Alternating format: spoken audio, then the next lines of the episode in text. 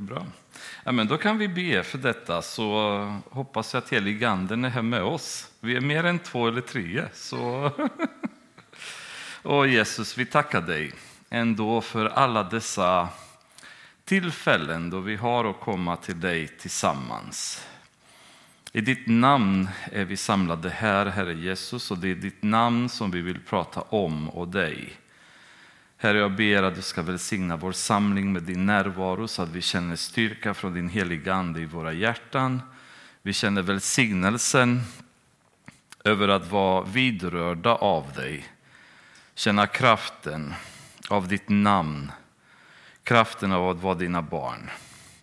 Jag ber, Herre Jesus, att du ska öppna alla våra hjärtan här ikväll så att vi kan ta emot ditt ord, förstå det du vill säga till oss och hjälpa oss förstå djupet och höjden av din kärlek för oss och för världen, Herre. Tack för allt som du har gjort för oss. Tack för ditt offer. Tack för ditt ord. Fader, vi tackar dig för att du har gett oss Jesus och, och öppnat möjligheten så att vi kan bli frälsta, Herre. Tagit oss från synd till liv, från mörker till ljus och på så vis gett oss ett liv som vi aldrig kan ångra att vi har fått, Herre. I Jesu underbara namn ber vi. Amen. Amen. Oj, vilken väckelse redan! Bönesvar. ja. Um kul, men ehm, öppna gärna då till eh, Apostlagärningarna tredje kapitlet. Tänkte att vi skulle gå igenom idag. Och ehm, det som händer i tredje kapitlet det kan man väl säga det första fysiska miraklet i Apostlagärningarna. Vi har sett eh, kapitel 2 med heligandens ankomst, med dån, med eh, tungotal, med eh, så att säga en händelse utöver det vanliga, utan tvekan mirakulöst för folket som var där. Men nu börjar vi gå in i den del, då kan man säga, som också tillhör kyrkans verksamhet och börjar nu i kapitel 3. Och det är Petrus och Johannes som var på väg upp till templet vid tiden för bönen. Man ber vid nionde timmen. Och då kan vi stanna redan där en liten stund, för jag tycker det är lite spännande vers ehm, med lite dolt budskap egentligen. Ehm, bönen vid nionde timmen, det var klockan tre på eftermiddag i templet. Och då är det Petrus och Johannes som oftast ehm, presenteras tillsammans, som går tillsammans till bönen. Då.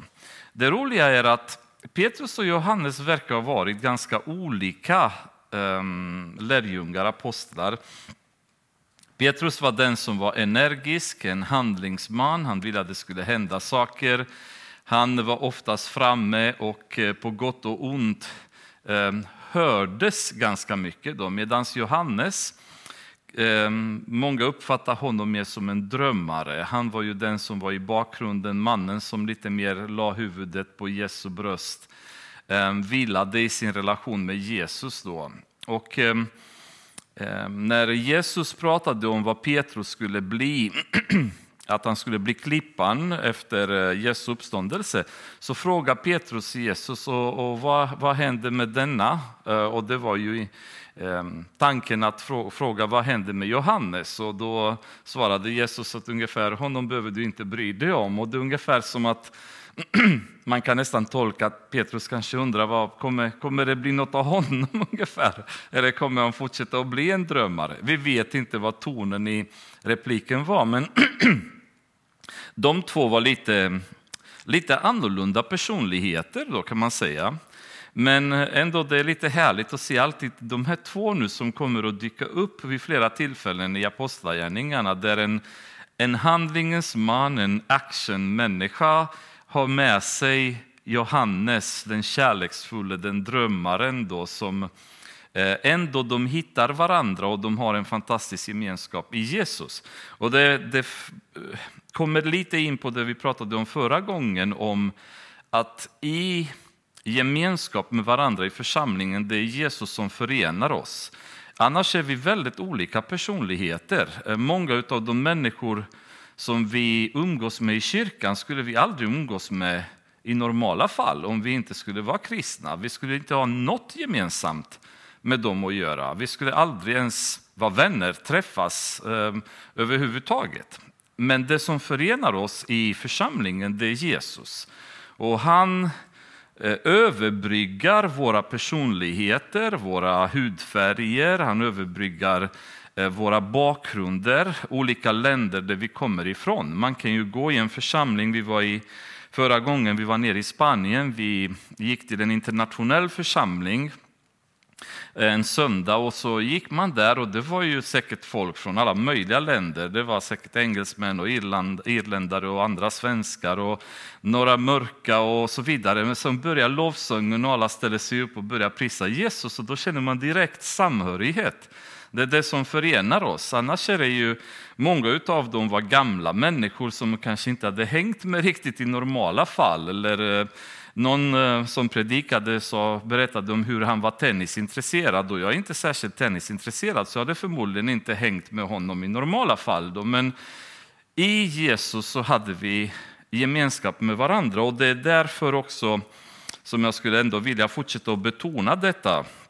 Just vikten att när vi kristna umgås, att vi har Jesus i fokus och Jesus i centrum för att det är då vi kan umgås med varandra. Så fort Jesus glider ur um, vårt gemenskap, ur fokus, så börjar vi tröttna på varandra ganska snabbt. Då, därför att vi har inte så mycket annat att umgås kring än Jesus. Då.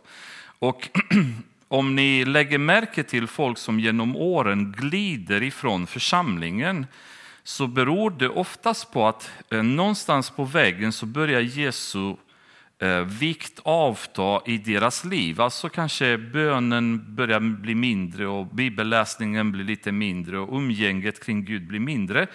Och då plötsligt så är det inte så roligt heller att komma till kyrkan. Därför att vi är som vi är, vi är människor och de, vi kan reta oss på varandra och några är jobbiga och några ser inte så bra ut och så vidare. Och det blir den attityden som vi ständigt har och då blir det inte så skoj att komma till kyrkan. Då kan vi göra roligare saker. Gå på en strand och spela volleyboll eller vad som helst som vi tycker är roligare. Men det som samlar oss till kyrkan det är Jesus. Så för att vi ska tycka det är roligt att umgås med varandra så måste Jesus bli mer framträdande i våra liv. Då längtar vi till varandra. Så fort Jesus närvaro avtar i våra liv så börjar vi glida ifrån varandra. Och om ni följer detta mönster så ser ni att det händer hela tiden i församlingar. Folk som droppar av och kan vara ursäkter att någon har sagt något eller någon har tyckt något eller någon har blänkt på mig eller någon har puttat mig i min tjänst eller någon har inte gett mig den Eh, uppskattning som jag känt att jag behövt. Alla dessa är bara ursäkter men i grunden är anledningen att deras relation med Jesus är dåligt fungerande och då blir de här små sakerna väldigt stora och väldigt eh, mäktiga för att bära. Då. Så för vår skull, för att vi ska orka med varandra och tycker det är roligt att umgås med varandra, så bör Jesus bli mer framträdande, mer närvarande i våra liv. Då tycker vi att det är roligt att träffas, umgås och vara med varandra. Eh, de två är nu på väg till templet, till bönen vid nionde timmen som sagt, och det var ju ungefär klockan tre på eftermiddag. Det intressanta är att de är nu, eh, kan man säga, omvända till tron på Jesus. De är kristna kan man väl säga. De är dessutom fyllda av helig ande efter pingstdagen. Men de fortsätter fortfarande och går till templet. Så de avsäger sig inte på något sätt deras judiska tro, utan nu lever de i sin judiska tro i sin rätta tolkning, men de går fortfarande till templet. Men det finns vissa aktiviteter som de inte närvarar kring. Klockan 14.30 varje dag i templet så var det offertiden. Då offrade man djur och röken från, från offrandet eh, steg mot himlen Och klockan tre, då en halvtimme efter offertiden, då samlades folk till bön när röken från offrandet eh, lyftes mot himlen. Då kom man för att be. Men det intressanta är att de går inte till templet klockan 14.30 längre, utan de, de går klockan tre. De behöver inte offra längre, utan de vet att det slutgiltiga offret har gjorts nu. Djur behöver inte slaktas längre för syndernas förlåtelse, utan nu är dörren öppen. Så de skippar gärna offrandet men kommer till bönen, till templet där de vill fortfarande be till Gud ihop med alla de andra. Och Det är lite roligt när man tittar på det och ser att de, de skippar offret men de kommer klockan tre till bönen. och Då bar man dit en man som hade varit lam från födelsen. Så det som är också intressant att tänka på är att han var lam från födelse, denna man. Varje dag satte man honom vid den tempelport som kallas Sköna porten för att han skulle be dem som var på väg in i templet om en gåva. När han nu såg att Petrus och Johannes skulle gå in i templet bad han dem om en gåva. De fäste blicken på honom och Petrus sade Se på oss. Mannen såg uppmärksamt på dem och väntade sig att få något, men Petrus sade Silver och guld har jag inte, men vad jag har, det ger jag dig. I Jesu Kristi Nazariens namn, stig upp och gå. Och han tog honom i högra handen och reste honom upp. Genast fick mannen styrka i fötter och vrister. Han hoppade upp, stod upprätt och började gå och följde med dem in i templet. Han gick och hoppade och prisade Gud.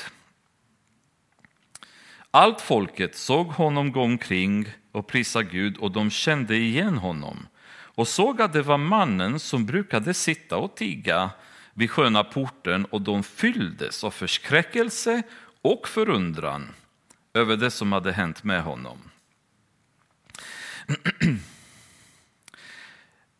nu hamnar de i det första läget där ett fysiskt mirakel är på väg att inträffa.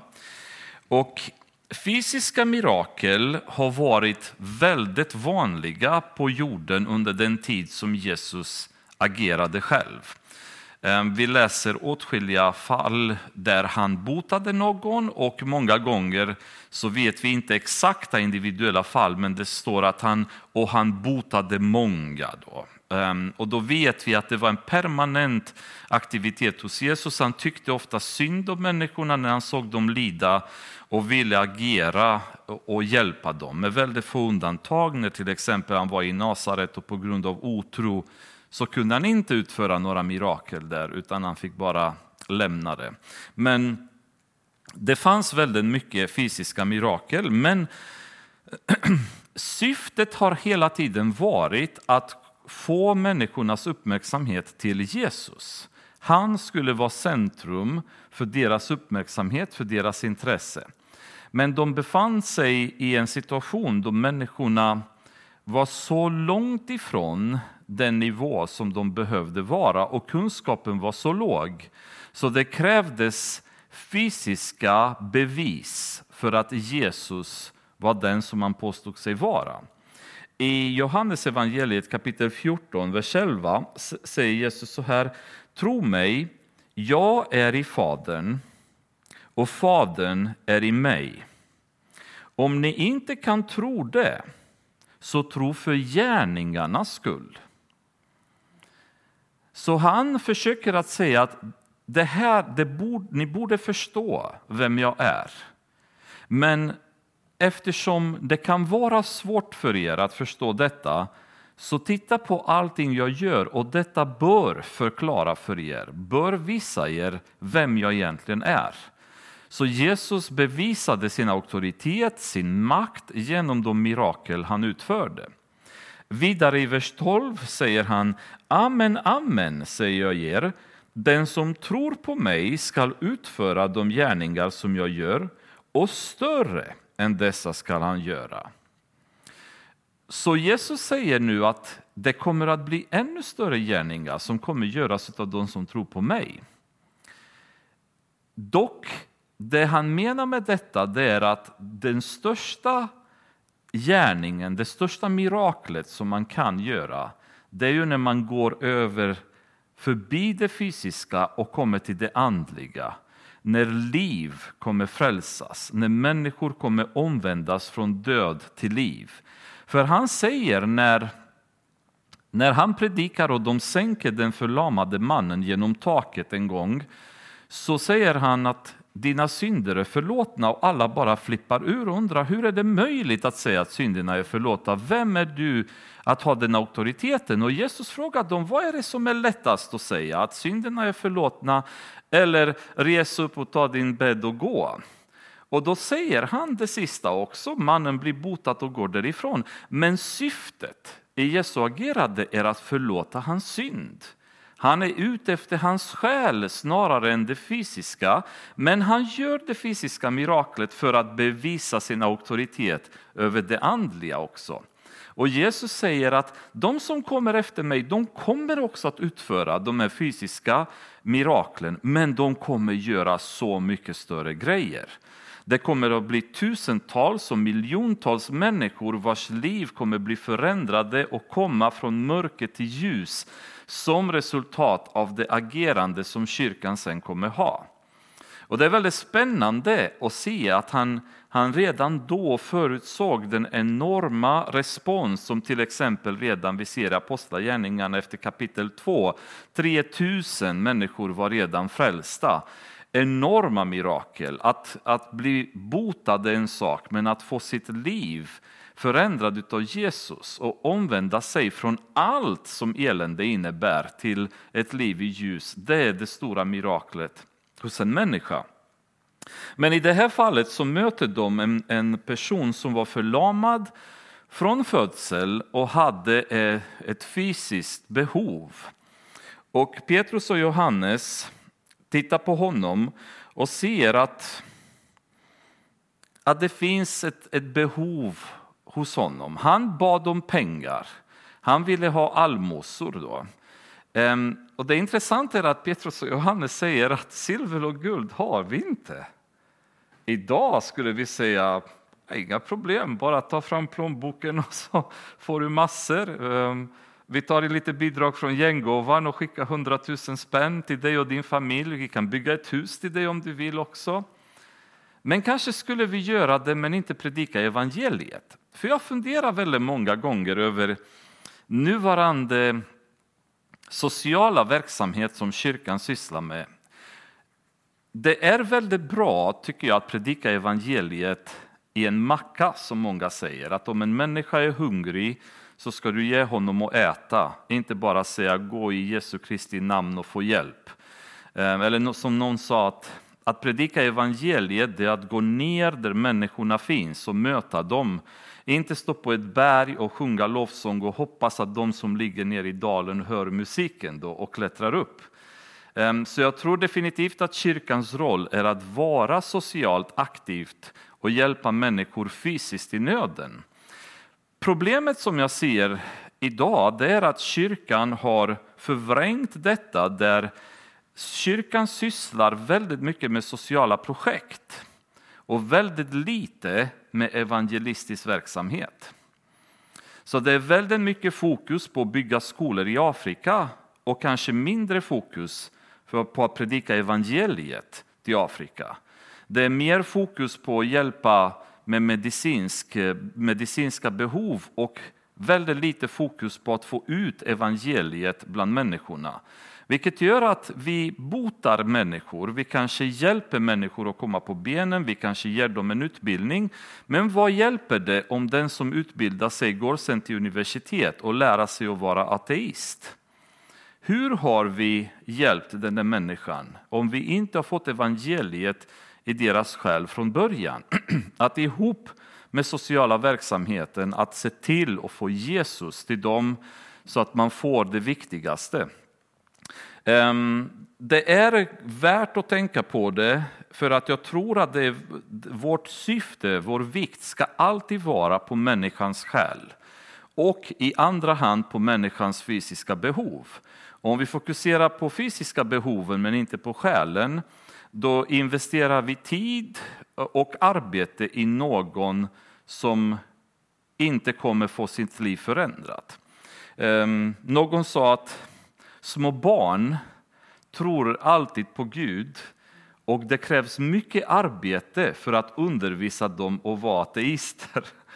Men tyvärr det är det man oftast gör när man till exempel bara investerar i bara massa skolor överallt i världen utan att ha kontroll på vad de skolorna undervisar sen barnen. Vi bygger skolor i Afrika och ateismen kommer predikas och evolutionism i de skolorna. Vad har vi använt vår tid och energi kring? Så fokus bör vara evangeliet. Men ihop med evangeliet så måste vi vara beredda att ta hand om människornas fysiska behov. Men Petrus säger här att pengar, det har vi dåligt med. Liksom. Men vi har något annat som du kan få.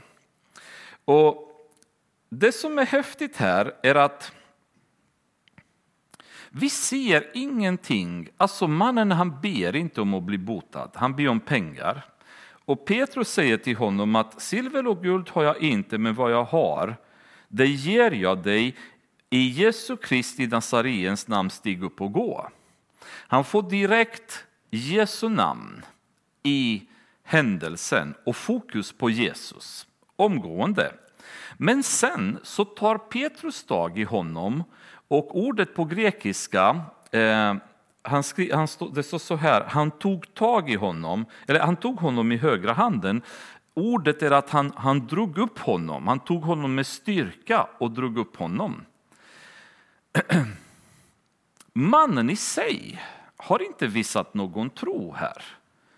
Petrus har inte sagt till honom att om du tror så ska jag kunna bota dig. Utan han tar och botar honom omgående, tar tag i honom och lyfter upp honom och mannen plötsligt hoppar upp och går.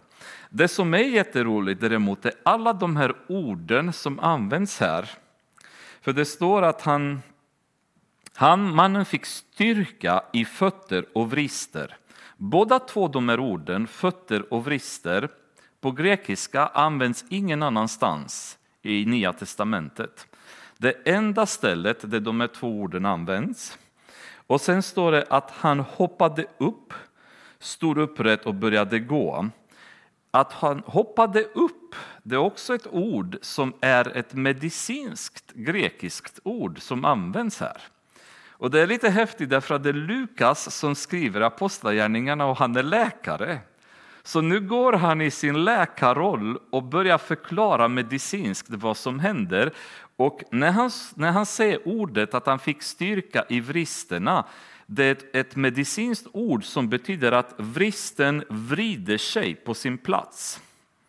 Så han går in i, kan man säga, som när vi vill imponera på varandra så börjar vi prata latin eh, som man pratar på sjukhuset. Och man pratar om att eh, deltoiderna eller eh, ja, har jag, har jag, glömt några? Jag kan inte, inga ord längre, men strunt samma. Alla dessa fina muskelord och benord på latin Lukas han går in på fina grekiska ord för att beskriva det medicinska som har hänt med mannen. Så förmodligen var hans ben förvridna sedan födelsen och så vrider de sig själva på plats igen och då studsar han upp.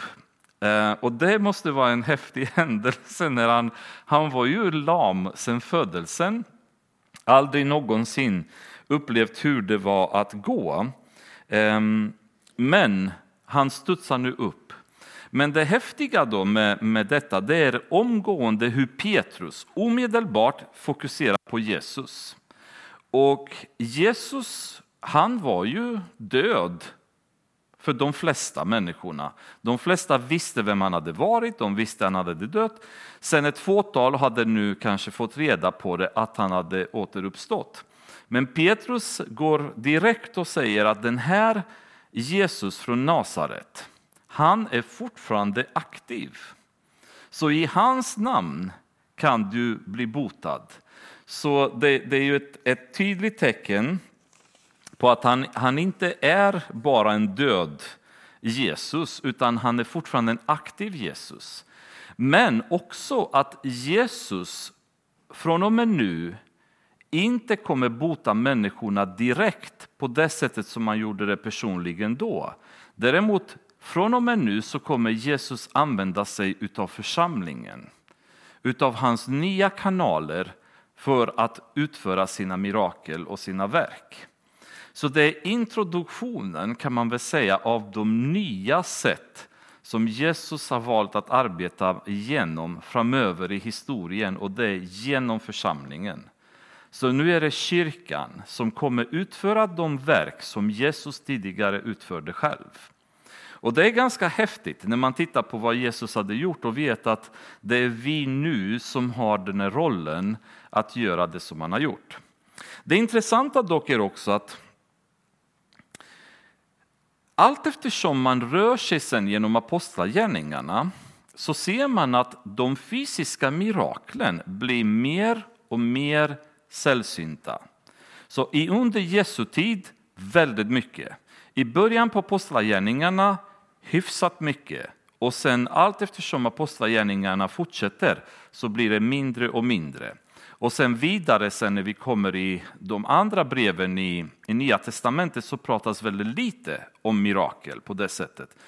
Anledningen till det, det är inte för att Gud inte skulle kunna göra dem längre eller att Gud är inte densamme igår, idag och imorgon. Utan därför att med ankomsten av evangeliet och predikan av Guds ord så är det nu det viktigaste som förs in i samhället på plats. Nu är Bibeln, evangeliet, det som är det största, det viktigaste och det kraftfullaste som Gud använder sig av för att förändra människor. Och behovet av fysiska mirakel är inte samma som det var då. Men Gud kan göra mirakel idag precis på samma sätt, han har exakt samma makt. Men nu är evangeliet det som Gud vill ska nå människorna. Och om det behövs så kommer Gud backa det med mirakel, med helbrägdagörelse eller andra mirakulösa ingrepp som han anser att det behövs i sammanhanget. Och därför tror jag det är viktigt att vi som kristna inte jagar mirakel. Vi ska inte hålla på och, och jaga mirakel, vi ska däremot jaga själar, vi ska försöka få evangeliet till folk. Och Gud får bestå de mirakel i sin tid när han anser att de är nödvändiga.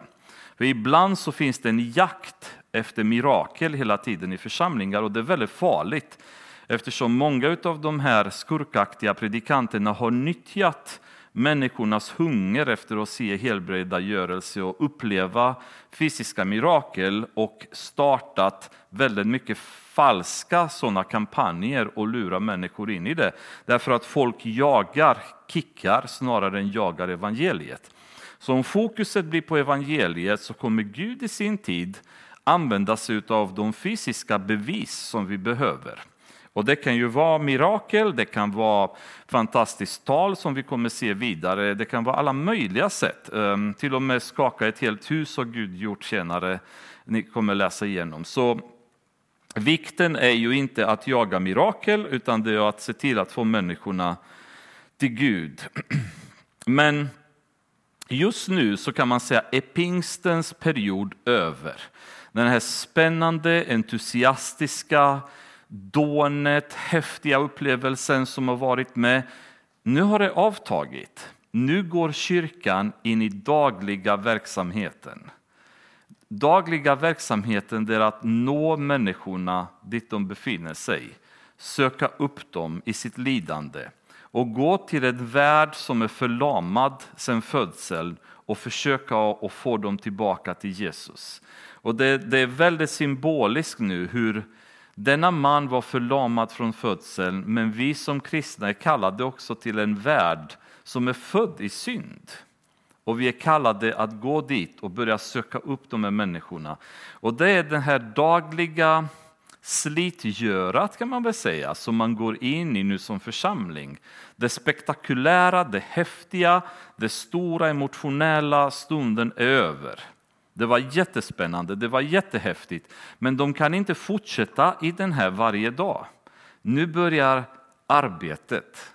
Nu börjar kan man säga det som vi kanske upplever är mer det tråkiga. Vi ska söka upp de här människorna, vi ska börja bry oss om de här människorna, vi ska börja ta tid för de här människorna. Vi ska försöka att verka i de här människorna. Men det är ju det som är kyrkans arbete och den kallelse som vi har fått av Gud, att göra lärjungar sen utav människor. Och Petrus och Johannes är ju där. De har inte ifrågasatt orsakerna till att varför har den här mannen varit förlamad sedan födseln. Det måste ha varit någon synd i dina föräldrar eller någonting har gått fel eller vad som helst.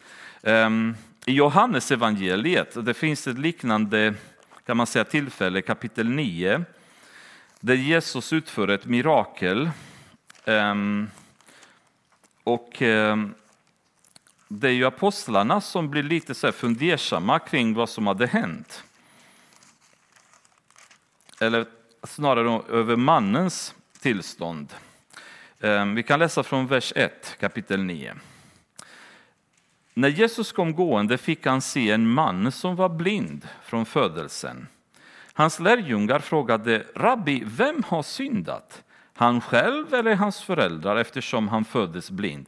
Ganska konstig fråga, hur kan han synda själv om han är född blind? Liksom? Så, men det var ju det här, det här förståndet de hade att om du hade en sjukdom så måste du ha synd i ditt liv. Och det är ju fortfarande predikanter idag som har den inställningen att om du är sjuk, det är för att du inte har tillräckligt med tro. Det är för att du inte har bekännat din synd och så vidare. Och så är inte fallet. Liksom. Du kan ju vara sjuk av något helt annan anledning än att det beror på otro eller synd i ditt liv. Men de hade samma inställning där att det måste vara någon synd någonstans om man är sjuk. Ehm, och bara frågan i sig är ju märklig återigen eftersom man inte kunde synda eftersom han var född så. Men då kanske var hans föräldrar, undrade de.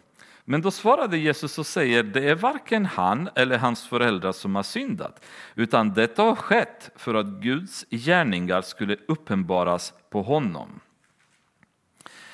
Med andra ord, vad Jesus säger, det är att människans behov, världens eländiga situation, är möjligheten för kyrkan att få fram Jesu Kristi Nazariens namn.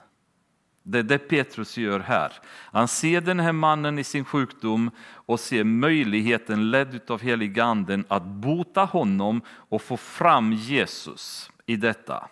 Och resultatet blir att folket ser detta, de blir jättepåverkade, vissa blir förskräckta, andra blir förundrade men de är överens om att det här har hänt något häftigt. Och mannen hängde, hänger med dem in i templet och han hoppar och han tjoar och de kan inte få stopp på honom. Och alla vet vem han är, för han hade varit där hela tiden sittande vid sköna porten med sina förvridna ben och be om allmosor. Så vad säger man om det? När Petrus och Johannes går förbi, han blir botad. Man kan inte förneka att någonting utöver det vanliga har skett. Och, Jesus, och Petrus står där och säger att i Jesu Nazariens namn har han blivit frälst. Då mannen höll sig till Petrus, vers 11, och Johannes skyndade allt folket fram till dem i den pelarhall som kallas Salomos pelarhall. De var utom sig av häpnad. När Petrus såg det sade han till folket, Israeliter, varför är ni så förvånade över det här? Och varför stirrar ni på oss som om vi av egen kraft eller fromhet hade gjort att han kan gå? Petrus frågade dem lite grann att vad är ni för slags israeliter som är förundrade över att Gud verkar på det sättet i en människas liv? Känner inte ni er Gud? Har ni inte läst Gamla testamentet och sett vad Gud har gjort åtskilliga gånger och hur han har agerat i era liv, i era förfäders liv. Vilka mirakel Gud har gjort med dem. Så hur kommer det sig att ni israeliter sitter nu och förundrar er över att en man har blivit botad? Vilken Gud känner ni egentligen? är ju implicita frågan som, som Petrus ställer till dem. Vad, vad har ni för slags tro, israeliter? Om ni är så förundrade över att en människa har blivit botad. Och det är ju kan man säga lite så att man kan ställa den frågan till oss själva många gånger. Vilken slags tro har vi idag som kristna i vår Gud? Hur ser vi på honom? Är vi förvånade när en människa kommer till tro? Är vi förvånade när någon blir botad? Är vi förvånade när någons Eh, penganöd eh, mirakulöst bli eh, tillfredsställd? Är vi förvånade när en kassbil fortsätter att gå och aldrig går sönder? Ehm, är vi, tycker vi att det här är konstigt? Förstår vi vilken Gud vi har? Förstår vi vilken Gud vi har tillgång till när vi kommer och ber till honom? Och det är ju det är ju så att vi många gånger tappar den här tron. Vi har en teoretisk tro på Gud, men vi har inte utövat den praktiska tron. Och vi kallas ibland till att pröva Gud. Att sätta honom på test och se hur kan han agera? Kan han hjälpa oss i situationer när vi behöver hjälp? Kan han hjälpa en annan människa i en situation då man behöver hjälp? Kan han ingripa på ett mirakulöst sätt? Och jag tänker just i vår församling, då, det är inte, vi är fortfarande i ett läge där vi ser resultatet av bön ehm, för Gunnar som vi har bett som församling. Och, och det liksom, som Ann-Britt hela tiden har sagt, jag tror på att det här kommer bli bra. Och hon har mött ibland lite tveksamheter och ja, men bara så ni vet, det, det här är inte så lätt och det kan gå bakåt och så vidare. Men Ann-Britt har sagt, men jag tror. Jag vet vilken Gud jag har. Och detta är uppfriskande för oss alla att veta att tron är på att Gud kan. Vi vet att han kan. Vi blir inte förundrade när Gunnar kommer att komma till kyrkan och säga hur gick det till? Utan vi kommer säga prisa Gud, vi trodde på detta. Vi visste att detta kunde ske och här sitter han bland oss och vi längtar efter den tiden när det kommer ske. Och Petrus säger, vad har ni för slags tro? Hur kan ni vara förundrade? Vet inte ni vilken Gud ni känner? Och desto mer så säger han, varför stirrar ni på oss? Som om vi av egen kraft eller fromhet har gjort att han kan gå. Alltså om en snickare bygger ett hus, det är ingen av oss som skulle vara så dum och gå och tacka hammaren för huset och säga hammare vad fantastiskt du har gjort jobbet, du är så duktig. Det ut så fint. Liksom.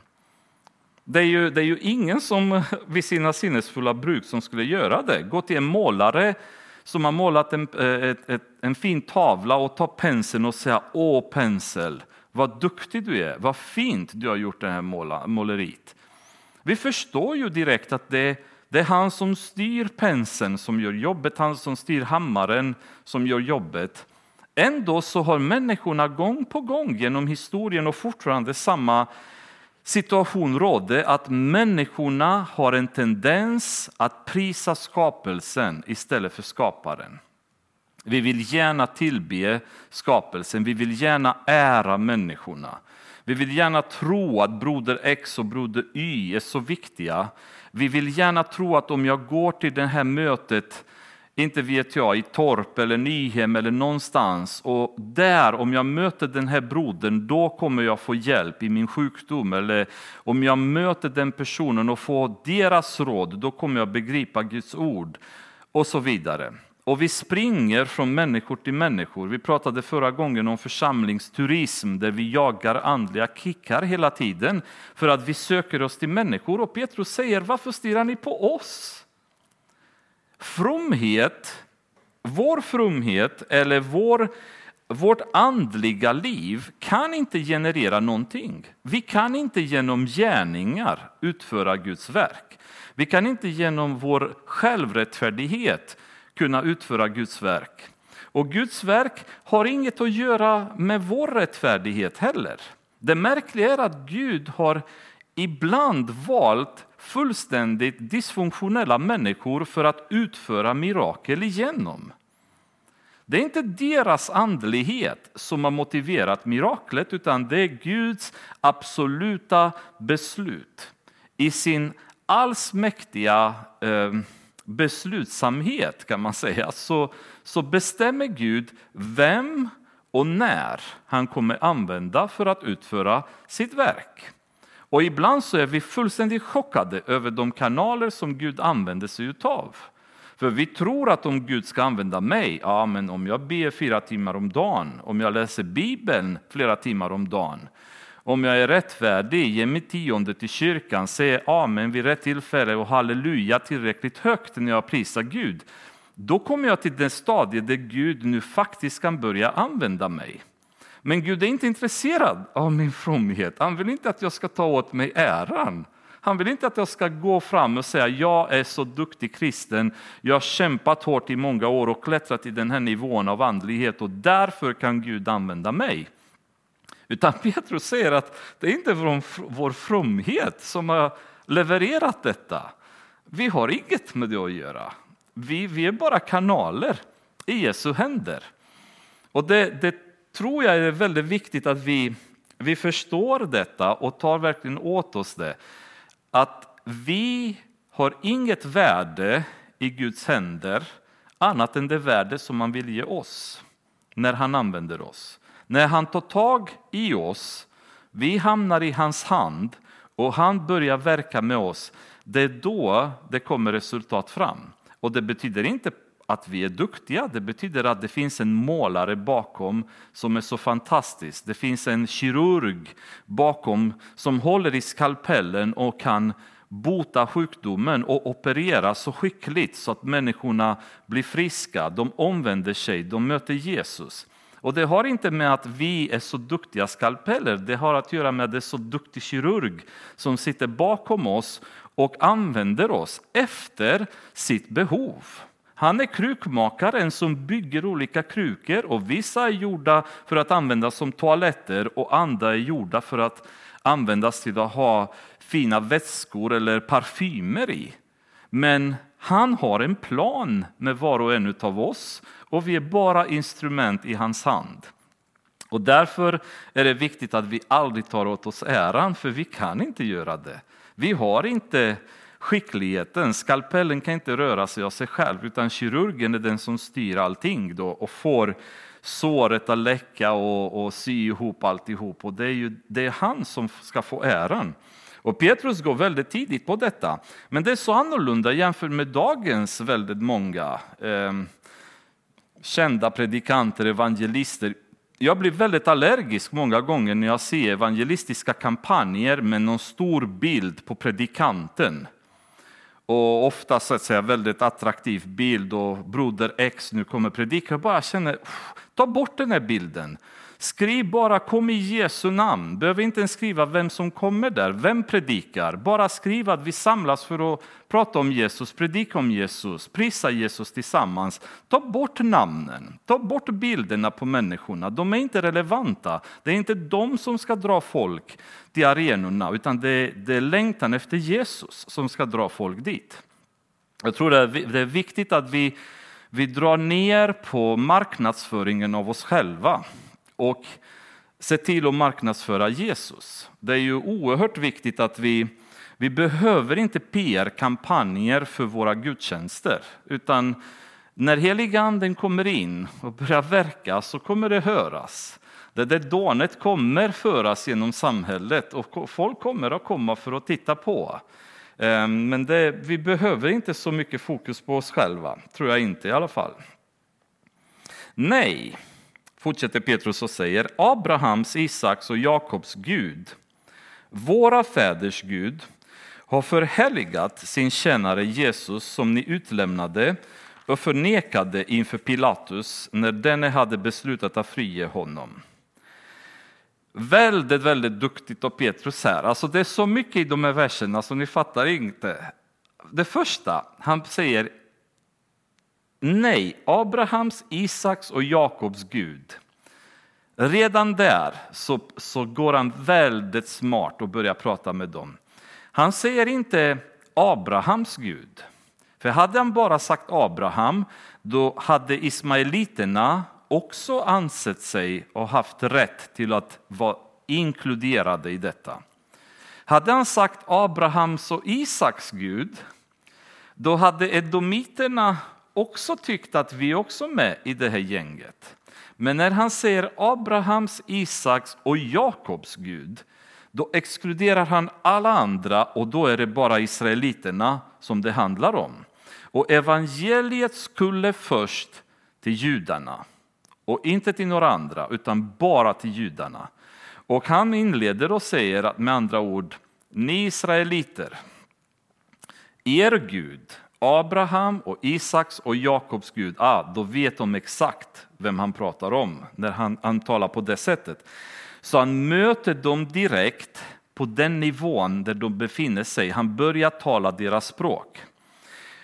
Och då går han vidare och säger att han har förhärligat sin tjänare Jesus. Och här tycker vi bara att ah, intressant, och då går vi vidare. Nej, för dem detta innebär extremt mycket.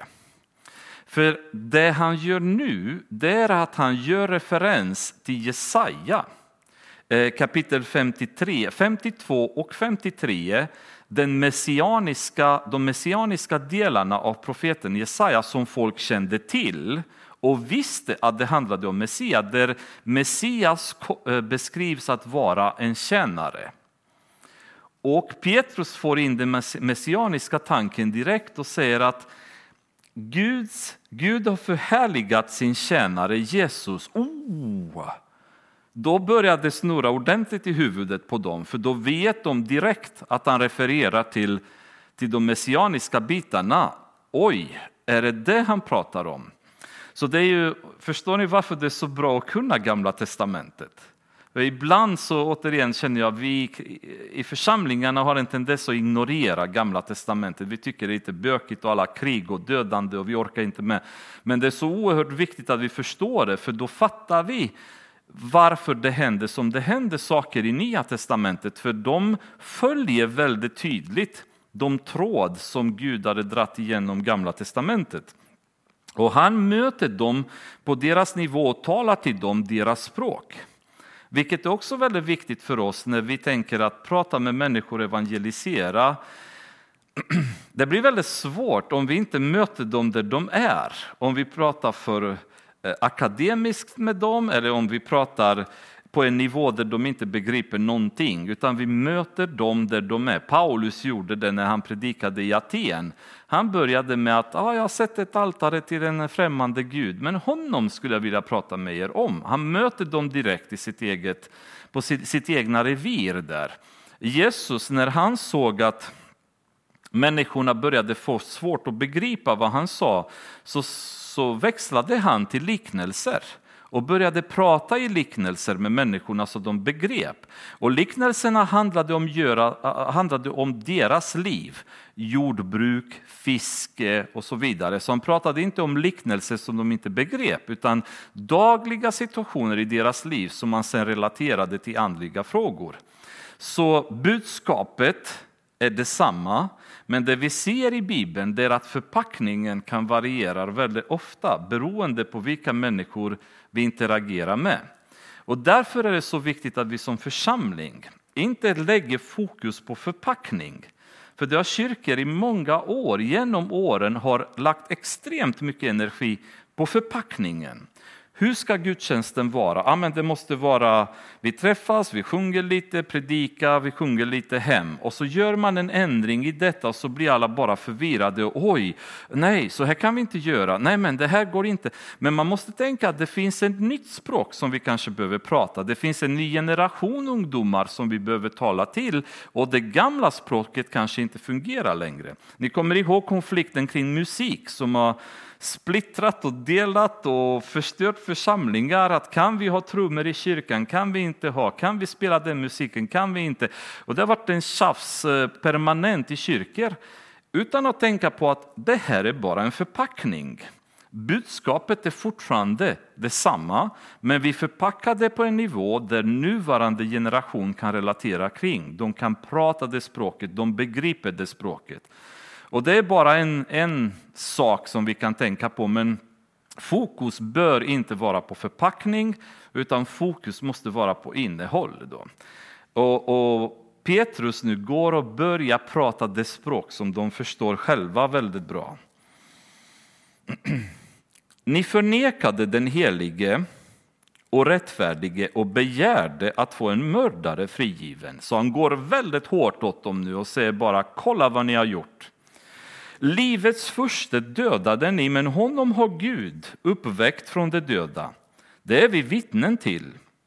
Och genom tron på hans namn har det namnet gett styrka åt denne man som ni ser och känner. Tron som det namnet skänker har gett honom full hälsa, så som ni alla ser. Så han säger direkt att det finns kraft i namnet Jesus. Och genom tro på Jesus så kan ni se sådana mirakel utföras. Inga konstigheter. Det är Jesus som ni har korsfäst. Han lever och han är aktiv och genom tro på honom kan liv förändras.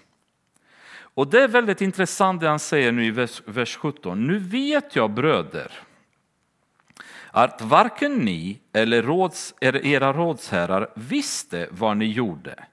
Men Gud har på detta sätt låtit det gå i uppfyllelse som han har förutsagt genom alla sina profeter att hans Messias skulle lida. Så Jesus, eh, Petrus säger att jag förstår att ni har gjort något fruktansvärt. Men jag förstår också att ni inte fattade vad ni gjorde. Och det stämmer helt överens med vad Jesus sa på korset. Fader förlåt dem för de vet inte vad de gör. De var drivna av Satan, de trodde sig göra något rätt. Men på grund av okunskap och på grund av deras, deras hjärta var förhårdnat så fattade de inte vad de gjorde. Och Petrus säger ungefär, vad som är gjort är gjort. Jag förstår att ni inte fattade vad ni gjorde.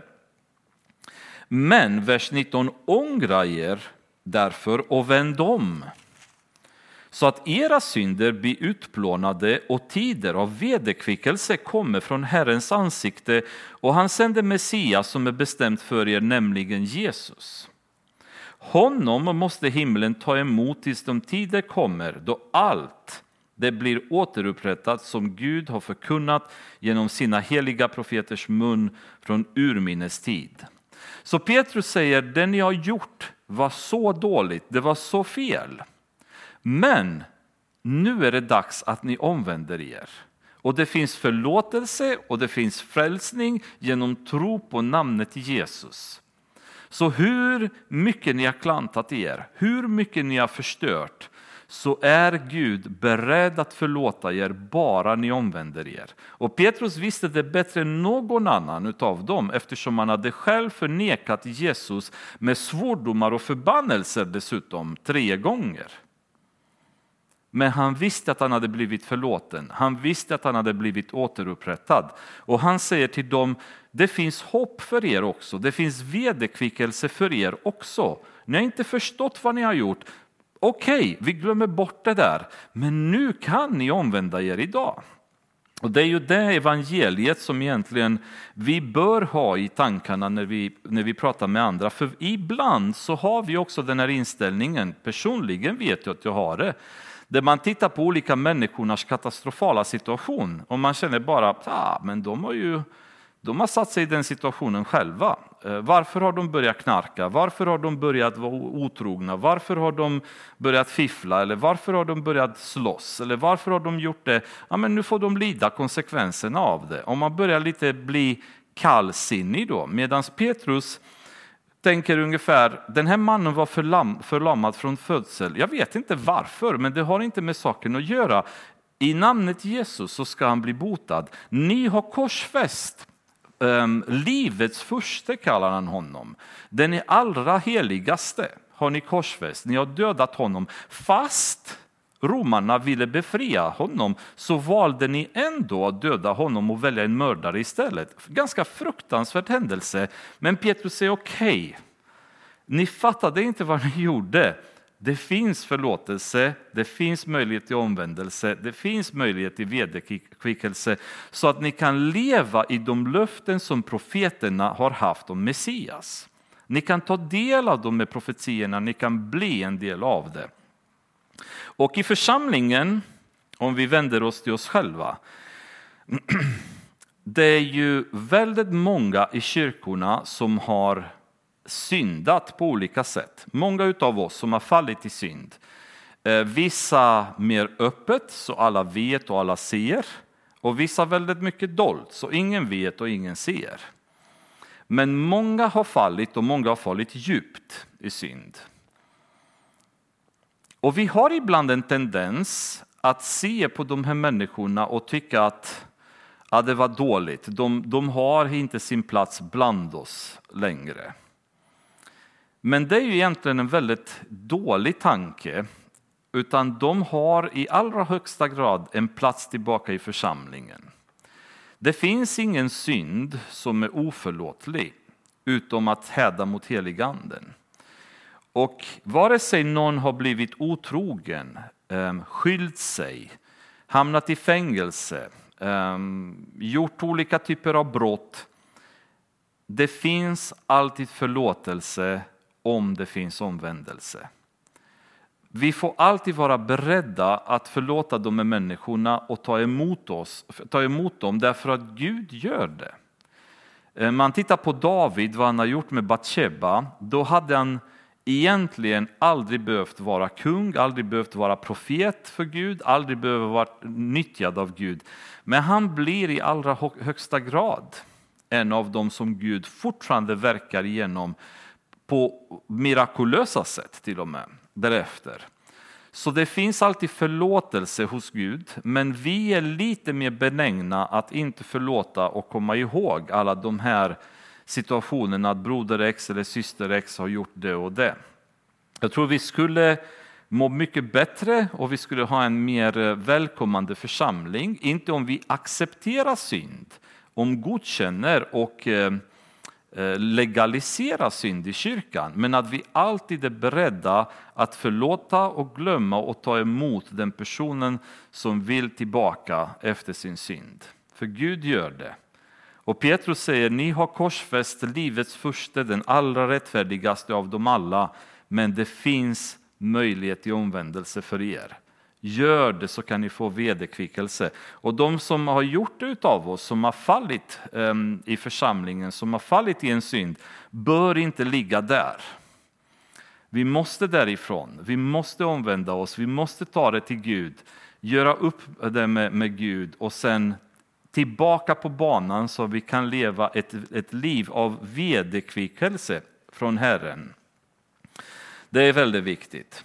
Mose har sagt vers 22. En profet som är lik mig skall Herren er Gud låta träda framåt er ut era bröders krets. Lyssna till honom i allt vad han säger. Men var och en som inte lyssnar till den profeten ska utrotas ur folket. Så han går hela vägen tillbaka in i Moseböckerna för att gå och presentera vem Jesus egentligen var. Ni är barn till profeterna och arvtagare till förbundet som Gud slöt med era fäder när han sade till Abraham, i din avkomma skall alla folk på jorden välsignas. För er först och främst har Gud låtit sin tjänare träda fram och han har sänt honom för att välsigna er genom att vända var och en bort från sina onda gärningar. Igen, Petrus avslutar och säger bara omvänd er. Det är det evangeliet handlar om. Låt bli det liv ni lever, omvänd er till Jesus. Och vi kommer stanna här eh, för idag, för sen är det ju kapitel 4 när det blir Eh, nu har vi först det första miraklet, det första fysiska miraklet i Apostlagärningarna. Eh, kapitel 4, det första öppna motståndet som, som kyrkan kommer möta. För annars tror vi att en dans på rosor att vara kristna. Vi har upplevt pingst, det är spännande, vi går på moln. Sen har Petrus och Johannes gått och botat en lam, lam man och all folket är glada och de är förundrade. Men sen kommer antiklimaxen, kapitel 4.